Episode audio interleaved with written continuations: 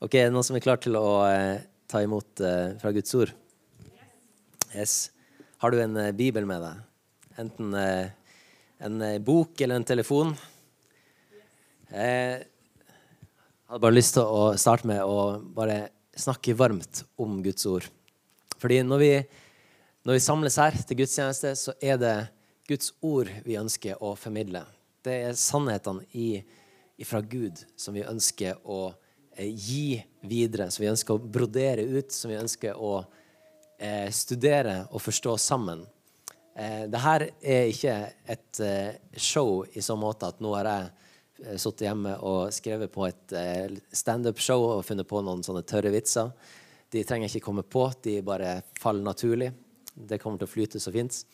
Men det er, det er et oppriktig ønske at vi sammen her i kirka skal få lov til å, å forstå mer av Guds ord. Og eh, forstå hva Gud ønsker å si til oss her i dag. Så det er lov, og det er forventa, eller det er vi oppmuntrer til å komme med forventning. Forventning til Guds ord. Det kan fort bli en sånn rutinepreget ting. Eh, at man bare dukker opp. Men vet du hva? Gud han har noe friskt til oss hver dag. Vi kan få lov til å eh, drikke og spise friskt fra Guds ord hver eneste dag. Og i dag er en sånn dag. Er du klar for det? OK. Den rettferdige lever ved tro. Det er dagens budskap, og i dag har jeg bestemt meg for å preke et budskap om tro. Et budskap som er, skal være til oppmuntring og til utfordring til hver og en av oss. Eh, I 1985, det var før jeg var født, da eh, ble OKS starta. OKS, det hvis du ikke vet det, så er det du er i en OKS-kirke akkurat nå. OKS Tromsø. OKS ble starta i 1985 i Oslo. Og da ble det på en måte Det ble kalt eh, nicknama en, en trosmenighet. Og det var på 80-tallet, 70-, 80-, og 90-tallet en trosbevegelse. Eh, og mange av de kirkene som ble starta opp måte med denne, eh, i denne bevegelsen da, denne tida, de hadde, ble kjennetegna ved at de hadde en tro på ting. Og du kan tenke Er ikke det litt rart å kalle noen menigheter for trosmenigheter? Hvis noen menigheter er trosmenigheter, hva er alle de andre, da? Så på en måte et litt rart navn å ha. Men det som det handla om, det var at det var en fornya tro og overbevisning om at det som Gud har sagt i sitt ord, det er sant, og det står fast. Og en virkelig en sånn fornyelse av at ja, men, det er ikke bare det Gud hadde for oss tidligere, men det er noe nytt som Gud gjør i oss og med oss hver eneste dag. Så jeg har lyst til å formidle et budskap av tro i dag. Og for å vekke tro, trosmuskelen i deg Jeg vet ikke Hvis du løfter armen din og gjør strekkene til, strammer den til Jeg vet ikke om du klarer å stramme like bra som jeg klarer. Fordi det er nesten sånn at skjorta rakner her. Jeg vet ikke om du ser det. det, er vel knapt bevegelse her. Men jeg skal si det, at selv om armen min Det er ikke så mye muskler der. Men jeg har lyst til at den muskelen her inne av tro, den skal være sterkere enn denne muskelen. Så hjelper det å ha litt muskler her også etter hvert. da. Men det er når du skal ta pushups og løfte og bære på kids og sånt, så blir sikkert det bedre. Men trosmuskelen, det er en muskel som vi er nødt til å trene opp. En muskel vi er nødt til å bruke, den også. Vi kan leve hele livet som kristen uten å ha brukt den muskelen fordi vi bare Neimen, eh, jeg har jo fått Gud på laget, så da kan jeg bare gå i min vanlige hverdag. Men vet du hva? Vi er kalt til å leve ved tro og vandre i tro. Og det har jeg lyst til å formidle her i dag. Så da i Guds ord skal vi slå opp i Romerbrevet, kapittel 1. Det er i Det nye testamentet. Det kommer også på skjermen, så du kan følge med der hvis du vil. Men hvis du noterer og vil streke under, så kan du gjøre det selvfølgelig i din bibel. Romerbrevet 1, vers 16-17. Det er Paulus som skriver der, og han skriver For jeg skammer meg ikke over evangeliet. Det er en Guds kraft til frelse for hver den som tror. Jøde først, og så greker. For i det, for i det åpenbares Guds rettferdighet av tro til tro, slik det står skrevet. Den rettferdige skal leve ved tro. Evangeliet er gode nyheter. Det er nyheter som man er ment til å bli glad av. For i evangeliet så får vi høre det at Gud frelser den som tror. Den som tar imot. Den blir rettferdiggjort. Skylda blir betalt. Jesus har betalt prisen for det. Og når du tar imot det, så får du et stempel. Du er betalt for. Du er gjort rettferdig. Du er gjort skyldfri fordi Jesus har tatt det på seg. Og, men det som også er viktig her å forstå og få med seg, det er at vi er ikke ment til å bare ta imot ved tro og bli frelst ved tro. Men vi er ment til å leve ved tro. Det er ikke en engangshendelse å være kristen. At du Nei, jeg var kristen en gang på et møte for ti år siden. Da ble jeg kristen, og da var jeg kristen. Og så er på en måte det bare vitnesbyrdet mitt og fortellinga mi resten av livet. Nei, vi er ment til å leve ved tro. Det er ment til å være noe som vi er i stadig fornyelse av, og ting, ting som skjer i oss. Eh, og så tenker du her, når du leser det her Jeg prater om at den rettferdige skal leve ved tro, og så sier jeg at vi skal leve ved tro. Og så er det ikke sikkert at alle sammen inkluderer seg sjøl i det her. Jeg vet ikke, når du, når du leser Guds ord og ser at det står 'den rettferdige' Det står ufattelig mange plasser ikke ufattelig, det går an å fatte det, men eh, det står veldig mange plasser i Guds ord. Den rettferdige. De rettferdige. Når du leser det, så har jeg lyst til at du skal inkludere deg sjøl i den. Hvis du har tatt imot Jesus som Herre og Frelser i ditt liv, så er du gjort rettferdig. Det kommer vi til å se litt mer på her. Men jeg har lyst til at du skal forstå at dette er ikke et budskap til de andre her i rommet. Dette er et budskap til, til deg, for du er gjort rettferdig, og du er ment til å skulle leve ved tro. Vi skal se på et annet brev som Paulus skrev, og det er Galaterbrevet. For de menighetene som han skrev det brevet til, de hadde fått evangeliet forkynt. Klart og tydelig om at du blir frelst og rettferdiggjort kun ved tro alene på Jesus Kristus. Og så hadde det kommet noen Eh, og forkynt til de her menighetene at ja, det er bra med troa, som dere har hørt om. Det er bra med det her å tro på Jesus. Men dere må ikke glemme av omskjærelsen og loven. Den er fortsatt en viktig del av det her. Og Da begynte de her menighetene å praktisere tro og omskjærelse og gjerninger og loven. Det som eh, de tidligere hadde vært i, de her jødiske. Men det Derfor skriver Paulus dette brevet. Fordi han ønsker å ta et oppgjør med det her. Fordi dette er, no Og dette er noe som er relevant for oss også. Eh, vi er ikke i Galatia. Vi er i Tromsø. vi er i Norge. På en annen tid. Men det her med at det sniker seg inn ting inn i våre tanker, inn i våre menigheter, inn i våre kretser, om at det er noe mer enn troa på Jesus Kristus som frelse. det er vi nødt til å bare holde klart og tydelig fast på. Så Galaterbrevet kapittel 3, vers 11-13, så står det Og det er klart at ingen blir rettferdig for Gud ved loven. For det står skrevet den rettferdige skal leve ved tro. Loven spør ikke etter tro, men sier den som lever etter budene, skal ha liv ved dem. Men er du klar for det her? Kristus kjøpte oss fri fra lovens forbannelse da han kom under forbannelse for vår skyld. Så står det videre at forklarer det at, at den som blir hengt på et tre, er en forbannelse. Så det var en oppfyllelse av en profeti der. At Jesus ble en forbannelse for at vi skulle bli kjøpt fri fra loven.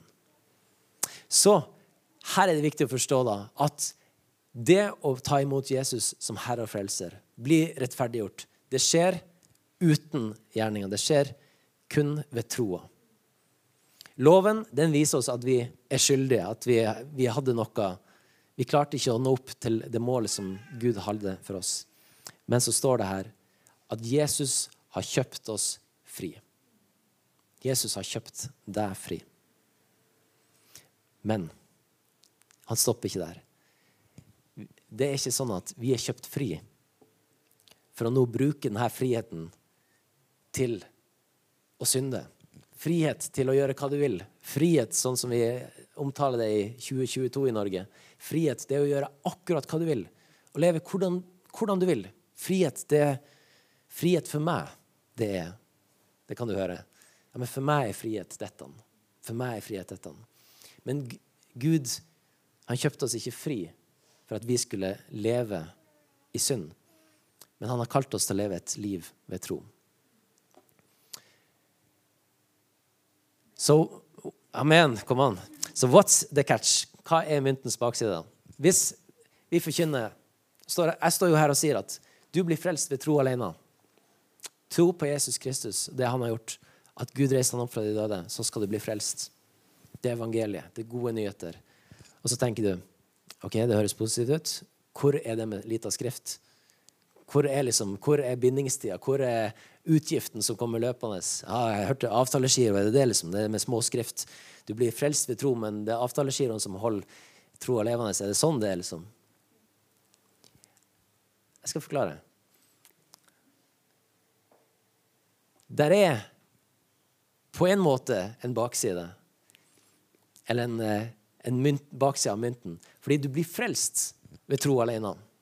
Det er kun troa di som frelser deg. Men når du er blitt frelst, så er du kalt til å leve i det her nye livet. Og det kan høres veldig dumt ut for folk at ja, men det skal du bare tro. Hvordan kan du vite det? Og ja, det kommer til å høres dumt ut. Paulus skriver i 1. Korinterbrev 1,18 at ordet om korset er dårskap. Det er idioti. Det er dumskap for dem som går fortapt. Men for oss som blir frelst, så er det Guds kraft. Og her trenger vi å forstå at evangeliet kommer ikke til å bli godt tatt imot av absolutt alle. Det kommer til å bli sett ned på av ganske mange. De som holder fast på sin egen visdom, det kommer vi til litt senere her, de vil, de vil ikke anse evangeliet som smart nok, eller som nok gjennomtenkt det høres for dumt ut. Det er jo eventyr. Det er jo idioti. At du bare skal tro på Jesus, og så blir du frelst. Men hør hva, det, hør hva Paulus skriver. Ordet om korset er dårskap for dem som går fortapt. Men for oss som blir frelst, så er det Guds kraft. Det står jo skrevet Jeg vil ødelegge de vises visdom, og de klokes klokskap vil jeg gjøre til intet. Hvor er da de vise? Hvor er de skriftlærde? Hvor er denne verdens kloke hoder? Det kan du lure på av og til. Hvor er denne verdens kloke hoder? Har ikke Gud vist at verdens visdom er dårskap? For da verden ikke brukte visdommen til å kjenne Gud i hans visdom, beslutta Gud å frelse dem som tror, ved den dårskapen som vi forkynner. Det er dårskap å stå og forkynne evangeliet. Det, det er litt sånn dumskap. Bli, det er litt forenkling. Men det er det som er evangeliet. Gud bestemte seg for å, å gjøre noe med vår forståelse av visdom og kunnskap. I vers 22 så står det for jøder spør etter tegn, og grekere søker visdom. Og nordmenn jeg aner ikke hva vi søker. Er, vi søker både tegn og visdom og under og mirakel og ligninger. Men vi forkynner en korsfesta Kristus. Han er en snublestein for jøder og dårskap for hedninger. Men for dem som er kalt, både jøder og grekere, er Kristus Guds kraft og Guds visdom. For Guds dårskap er visere enn menneskene, og Guds svakhet er sterkere enn menneskene. Evangeliet er gode nyheter for de som tar imot det. Evangeliet er gode nyheter for de som tar imot og tror på det. Men det vitner samtidig om at det er to utganger av livet. Det fins de som tar imot det, og så fins det de som fornekter det. Det fins de som tar imot, og de som ikke vil ha noe av det. Og det er kan du si, brodden. Det er det som, som stikker litt med evangeliet. Ja, men evangeliet, det er gode nyheter. Ja, det er gode nyheter. Det er knallbra nyheter. Hvis du tar imot det, så er det fantastisk. Men for de som velger å, vende ryggen til det, så er det de samme nyhetene som da formidler at OK, da blir det ikke det evige livet sammen med Gud for deg. Har du mange gavekort liggende i skuffa di? Oh yes, jeg ser det på deg. Du har mange gavekort liggende som du ikke har brukt. Vet du at i Norge så har vi Det er noen som har estimert det her. Det, du har ikke noe konkret tall på det, men anslagsvis en plass mellom 1,5 milliard til 2,5 milliard norske kroner som blir ubrukt, forblir ubrukt av gavekort hvert eneste år. Det er sjukt. Men jeg skjønner det. Vi sjøl hadde, altså, vi hadde en bunke med gavekort som Nå gjorde Karina hun tok en opptelling og lagde et notat. Skrev på liksom utløpsdato og sånt for at vi, vi må få brukt det her. Ellers så går det ut. Og Jeg er sikker på at du har noen gavekort liggende som du kommer på akkurat nå. Oi, den gikk jo den går ut i morgen. Du planlegger allerede handleturen din. Jeg ser det på deg. Men hva er det med gavekort som er så ja, så Vi blir så nonsjalante i forhold til det. At vi bare glemmer av 2,5 milliard kroner. Er vi så rike? Er vi så rike at vi kan la 2,5 milliard kroner hvert år bare liksom Nei, den ligger bare der. Jeg glemmer den av. Vet du hva? Gavekort det er en gave som er blitt gitt til deg men du er nødt til å aktivere det gavekortet. Du er nødt til å faktisk ta stilling til at ja, det gavekortet som er gitt til meg, det er jeg faktisk nødt til å sette i aksjon. Jeg er nødt til å bruke det her. Jeg er nødt til å veksle det inn i et eller annet. Og jeg tror at de her tallene på gavekort eh, Hvis du hadde sett eh, i et rikt land som Norge i forhold til et eh, fattigere land, så tror jeg tallet Jeg håper tallet ville sett annerledes ut. Fordi jeg tror, Når jeg leser det her, så tenker jeg dette skjer fordi vi er rike. Vi tenker at de 300 kronene der ah, det er så stress. Og Så glemmer du av det, og så er det 300 kroner på det kortet, og så er det 500 kroner på det kortet. og så er det sånn Akkurat der og da så har du ikke, du vet ikke hva du skal bruke det til. Og så ender det opp med at du til slutt har 2,5 milliard kroner som bare ligger og slenger rundt omkring. Altså, her er, her er en uh, idé, da. I stedet for å gå rundt og samle tomflasker til idrettslaget, gå rundt og samle gavekort. du hadde fått sjukt mye mer. Men jeg tror måten vi håndterer gavekort på, kan også si noe om hvordan vi håndterer evangeliet på. Jesus han sa det her til disiplene sine i Matteus 19. Sannelig, jeg sier dere, det er vanskelig for en som er rik, å komme inn i himmelriket. Ja, jeg sier dere, Det er lettere for en kamel å gå gjennom et nåløye enn for en rik å komme inn i Guds rike. Da disiplene hørte dette, ble de helt forskrekka og spurte hvem kan da bli frelst. Jesus så på dem, venta i ti minutter, så om noen hadde noen lure svar. kommentarer. Så sa han for mennesker er dette umulig. Men alt er mulig for Gud. For Gud er alt mulig. Jeg tror det her er det stikker dypere i oss enn vi tør å innrømme. Jeg tror det her er et større problem for oss enn vi tør å innrømme. Jeg tror det her er noe som vi trenger å jobbe enda mer med enn det vi tør å innrømme. Forholdet vårt til andre ting, forholdet vårt til rikdom, forholdet vårt til ting vi stoler på. I Matteus 13 så forteller Jesus mange lignelser om himmelriket. En av de handler om en skatt. I Matteus 13, 44 så står det at Jesus sier himmelriket er likt en skatt som var gjemt i en åker. En mann fant den, dekka den til igjen, og i sin glede gikk han bort og solgte alt han eide, og så kjøpte han åkeren. Hvordan er det vi tar imot evangeliet? Vi tar imot i tro. Hvordan gjør man det i praksis? Nei, ofte så er Du har hørt evangeliet forkynt, og så spør den som forkynner om vil du ta imot Jesus som Herre og Frelser i ditt liv. Du kan rekke opp hånden, eller du kan komme fram, eller vi kan be etterpå. Og For mange så er det den måten man har på en måte Eller i samtale med noen at man har sittet og prata sammen og så har man sagt ja, men jeg har lyst til å ta imot det her. Jeg har lyst til å gjøre Jesus til herre i mitt liv. Jeg lurer på av og til om, om ikke flere mennesker hadde trengt å ta en salgsprosess før man, før man tok imot denne skatten. Sånn som han her mannen, da, som fant en skatt i en åker. Han ser skatten og forstår hvor stor den er, men før han kan ta den, så går han bort, og så kvitter han seg med alle de andre tingene han har. Sannsynligvis var det jo fordi han det var sikkert en stor åker, og han måtte Nå er jo dette en lignelse, så det er ikke en faktisk hendelse, men Jesus forteller denne lignelsen for å, for å formidle noen ting. Han solgte alt han eide, og så kjøpte han åkeren for å få denne skatten.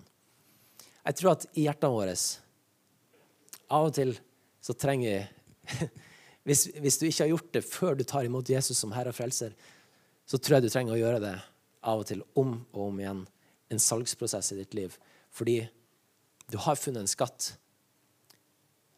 Du har fått en enorm gave, men så har du så mange andre ting der borte. Har, jeg har jo den skatten, jeg har jo evangeliet, men jeg har jo også ganske mye annet. Jeg har jo den fine bilen og karriere, muligheter har eh, venner, har stort hus, bor i en fin plass, nye sko. Nei, det har jeg ikke. Jo, jeg kjøpte faktisk eh, vintersko for gavekortene. Det er dagens anbefaling. Bruk gavekortet. Eh, men heng du med meg på det her? Forstår du hva jeg ønsker å si? Salgsprosessen før han kjøpte åkeren. Det skjer noe i, i, livet ditt når du forstår hva evangeliet er. Når du ser at Guds rike, Guds veier, det er alt, alt for meg. Den skatten, den vil jeg ha. Hvis det er den opplevelsen man har, at det er alt jeg trenger Jeg trenger bare Gud. Det er bare deg, Jesus. Det er du som er veien for meg er du da villig til å, å, selge unna? Er du villig til å kutte ned på en del andre ting? Er du villig til å forandre hvordan du lever livet ditt? Eller skal Jesus bare bli et gavekort som du putter i skuffa di? Som når du, når du kommer på det, og plutselig kommer på at ja, men, å, jeg hadde behov for en sokk. Ja, jeg har 50 kroner på gavekortet. Å, jeg hadde behov for helbredelse. Ja, skal vi se. Gavekortet. Jesus. Der var det det var det med den troa. Jeg vet ikke hva. Jeg tror vi er ment til å leve på en annen måte enn å behandle Jesus og frelsen som et gavekort i skuffa. Jeg tror vi er ment til å skulle leve i det her. Til å, til å, å selge unna. Til å, til å, rydde plass til evangeliet i livet vårt. Det betyr ikke det som Jesus sa, at Eh, at det er lettere for en kamel å gå gjennom et nåløye enn for en rik å komme inn i Guds rike. Det betyr ikke at vi alle sammen her inne kommer til å gå i fortapelsen. Fordi det er umulig for en kamel å gå gjennom et nåløye. Men det utfordrer oss, fordi det handler om tør vi å la Jesus være herre i livet vårt. Tør vi å la Guds ord være det som er styrende for oss. Tør vi å la Gud tale til oss, og la Hans ord være det som vi styrer etter.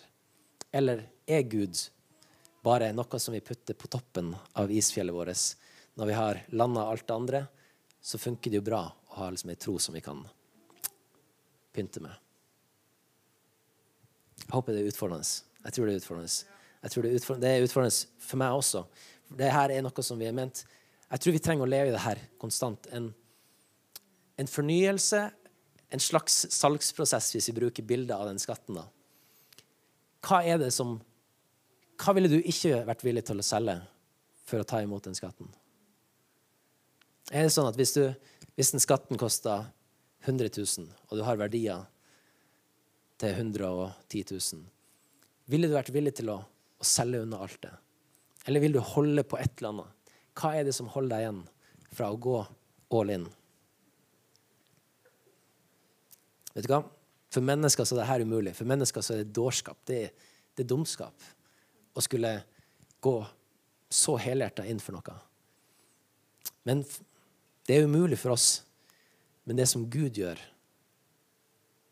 det er Gud som gjør det her i oss. For Gud er alt mulig. Han kan gjøre det her verket i oss. Han kan skape denne lengselen i oss. Han kan skape det her livet i oss. Den lengselen etter å leve i tro på Han.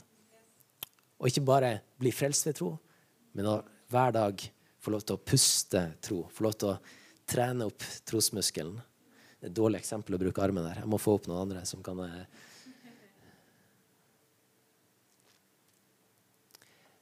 I Hebreerbrevet 10, 38-39, så Første verset er et sitat fra, fra Gamle testament, men andre verset sier noe til oss.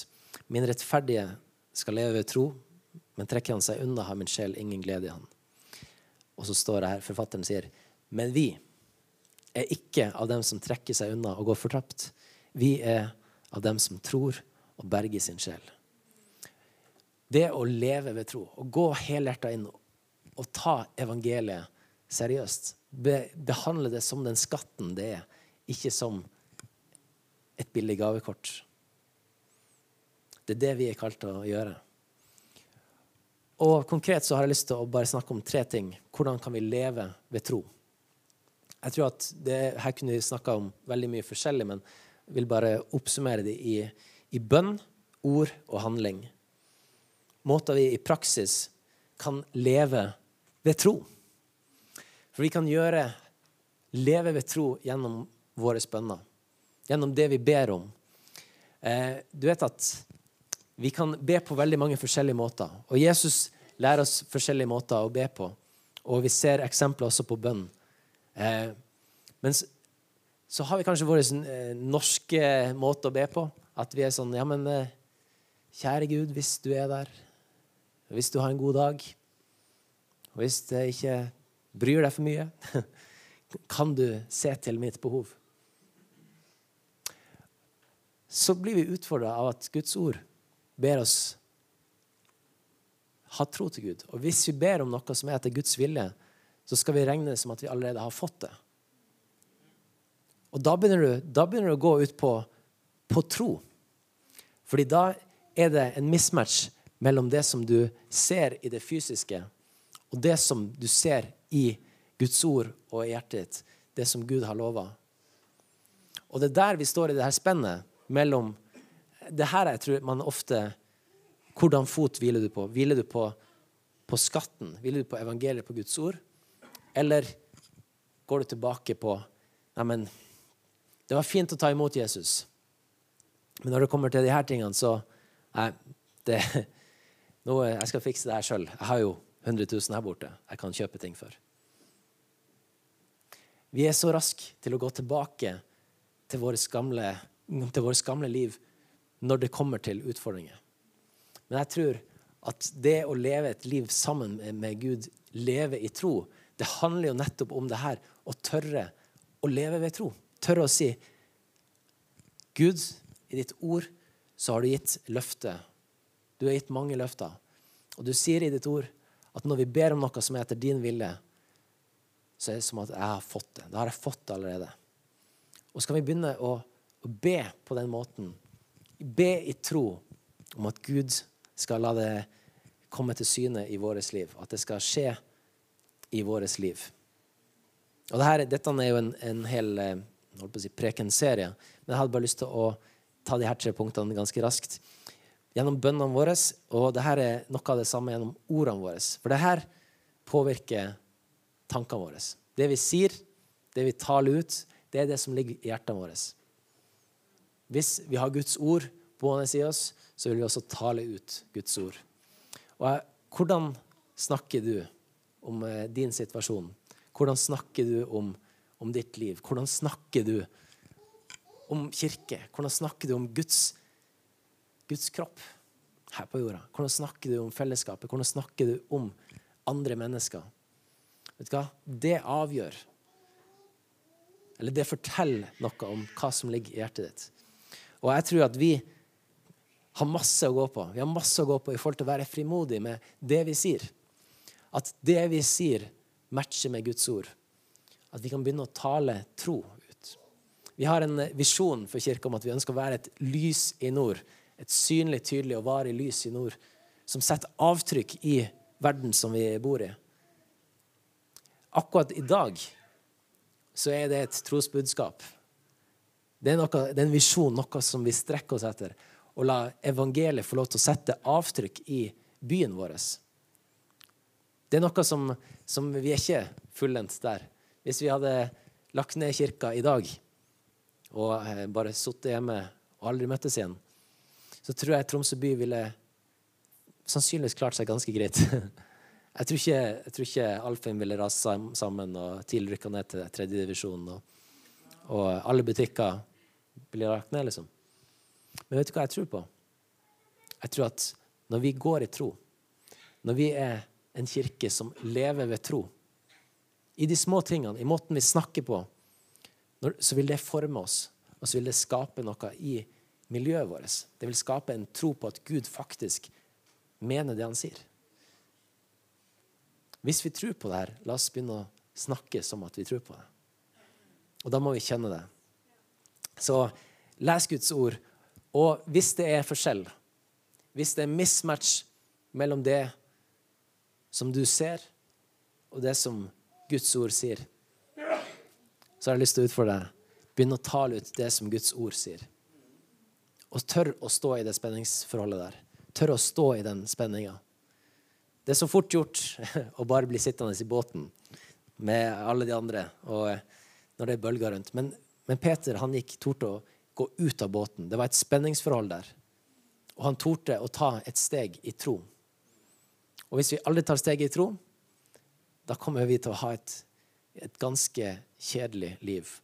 Og sannsynligvis, det, sannsynligvis så, eh, så, vil det påvirke oss på den måten at hvis du aldri tar et steg i tro, så vil aldri troa di bygges opp. Den vil aldri styrkes. OK. Bønner, ord, til slutt handlinger. Ikke handleturer. Du kan sikkert eh, leve i tro på handleturer også, definitivt. Men gjennom dine handlinger, gjennom det du gjør, gjennom måten du bruker tida di på, gjennom måten du behandler andre mennesker på, så kan du vise, vise tro, at du lever ved tro i måten du handler på. Og jeg ble bare minna på her eh, et ord fra Galaterbrevet, kapittel 6. Jeg skal ta og lese det.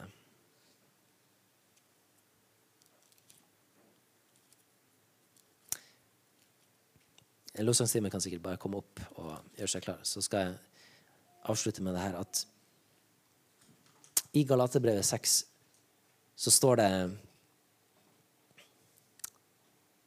Vi kan ta og lese ifra vers 8. Eh, det står For den som sår i sitt kjøtt, skal høste fordervelse av kjøttet. Ok, Det var en rar plass å starte, Simon, men nei, det er bra. Det her handler akkurat om det her. Den, der du investerer. Hvis du alltid legger trykk på men, det her klarer jeg sjøl, dette har jeg fint på bankkontoen min. Du sår i kjøttet. Det er et, det er et eh, annerledes språk enn vi ville brukt i dag. Men du, der du investerer, der du legger tida ned, er i det menneskelige.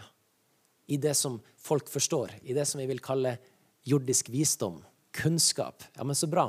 Du investerer i visdom og kunnskap. Sunt. Så bra. Vet du hva? Den som sår i sitt kjøtt, skal høste fordervelse av kjøttet. Fordi de her tingene vil forgå. De her tingene ikke, varer ikke evig. Men så står det den som sår i ånden, skal høste evig liv av ånden. Så la oss ikke bli trett av å gjøre det gode. For i rette tid skal vi høste hvis vi bare ikke mister motet. La oss gjøre det gode mot alle mens vi har anledning, og særlig mot dem som er av troens folk. Det å, å så på riktig plass og investere på riktig plass Jeg tror det er noe som vi kan ta med oss i hverdagen. At vi i de små avgjørelsene i, i livet våre Så har jeg lyst til å utfordre deg. Ta Gud med i det. Tør å, tør å la Gud tale til deg i din situasjon. Tør å la Gud være en, en som har innflytelse i ditt liv. Ikke bare innflytelse, men han som, la han være ditt liv. La han være kilden til liv i deg.